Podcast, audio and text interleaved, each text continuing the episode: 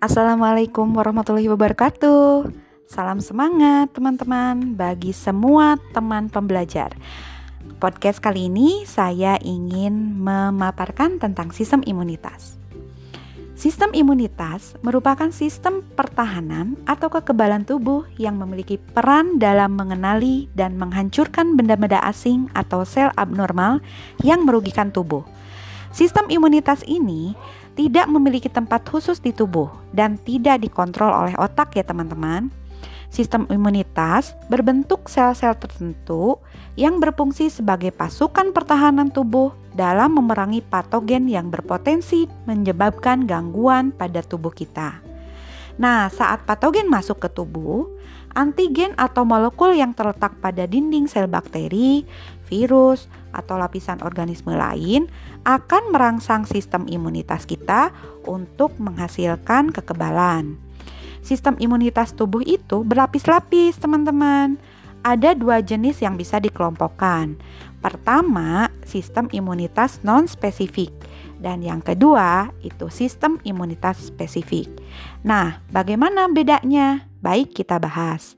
Sistem imunitas non-spesifik sering kali disebut juga sebagai pertahanan tubuh bawaan atau alamiah. Kenapa disebutkan demikian? Karena sistem imunitas non-spesifik merupakan garis pertahanan pertama dalam melawan semua patogen yang masuk ke tubuh kita. Sistem pertahanan tubuh bawaan ini berfungsi untuk mencegah terjadinya peradangan setelah adanya luka atau infeksi pada tubuh kita. Terus, kenapa disebut sebagai sistem imunitas non-spesifik? Itu karena sistem pertahanan pertama tubuh ini nggak bisa membedakan patogen yang masuk ke tubuh kita. Semua patogen yang terdeteksi oleh sistem imunitas pada lapis pertama ini dianggap sebagai benda asing yang berpotensi mengganggu tubuh. Anggota sistem imun non-spesifik tubuh ini ada kulit, membran mukosa, sel-sel fagosit, protein antimikroba, dan protein inflamasi.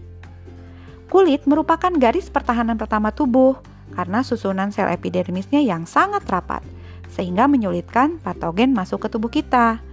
Nah, kalau patogen berhasil menembus kulit, kita memiliki membran mukosa, sel-sel fagosit, protein, antimikroba, dan inflamasi sebagai garis pertahanan kedua dari tubuh. Mereka akan berperan sebagai pertahanan kimiawi maupun mekanis.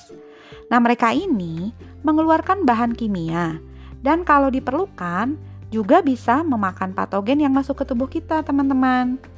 Kalau kulit kita gatal, bentol-bentol, bengkak, merah, demam, nah itu tandanya bahwa proses terjadi perang antara patogen dengan sistem imunitas non-spesifik di pertahanan kedua.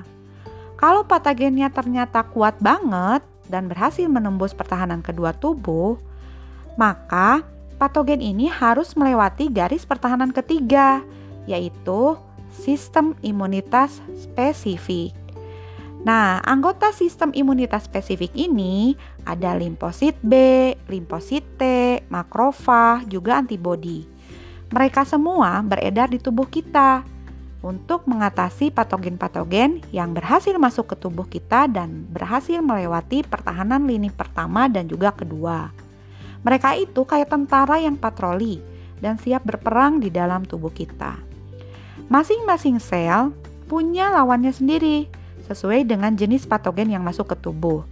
Meskipun patogen dan antigen yang masuk ke tubuh itu beragam bentuknya, sistem imunitas spesifik dalam tubuh kita bisa langsung mengenali dan menghancurkan patogen dan antigen tersebut sampai habis tak bersisa. Nah, uniknya lagi, sistem imunitas spesifik ini punya memori yang tajam, teman-teman. Sistem imunitas spesifik bisa mengingat patogen dan antigen yang pernah masuk ke tubuh kita, dan mereka ingat bagaimana cara mengalahkan patogen dan antigen ini sepanjang hidup kita. Jadi, saat patogen dan antigen ini kalah di serangan pertama, dan melakukan serangan kedua, maka respon dari setiap sistem pertahanan imun spesifik ini akan menjadi lebih cepat. Ini terjadi karena sel-sel dalam tubuh kita sudah tahu tuh bagaimana taktik membunuh patogen dan antigen tadi. Misalnya, kalau kita pernah terserang cacar air lalu sembuh. Terus si virus cacar ini mau menyerang tubuh lagi nih untuk kedua kalinya. Maka sistem imunitas spesifik dalam tubuh kita tuh udah tahu bagaimana cara ngalahin si virus tadi.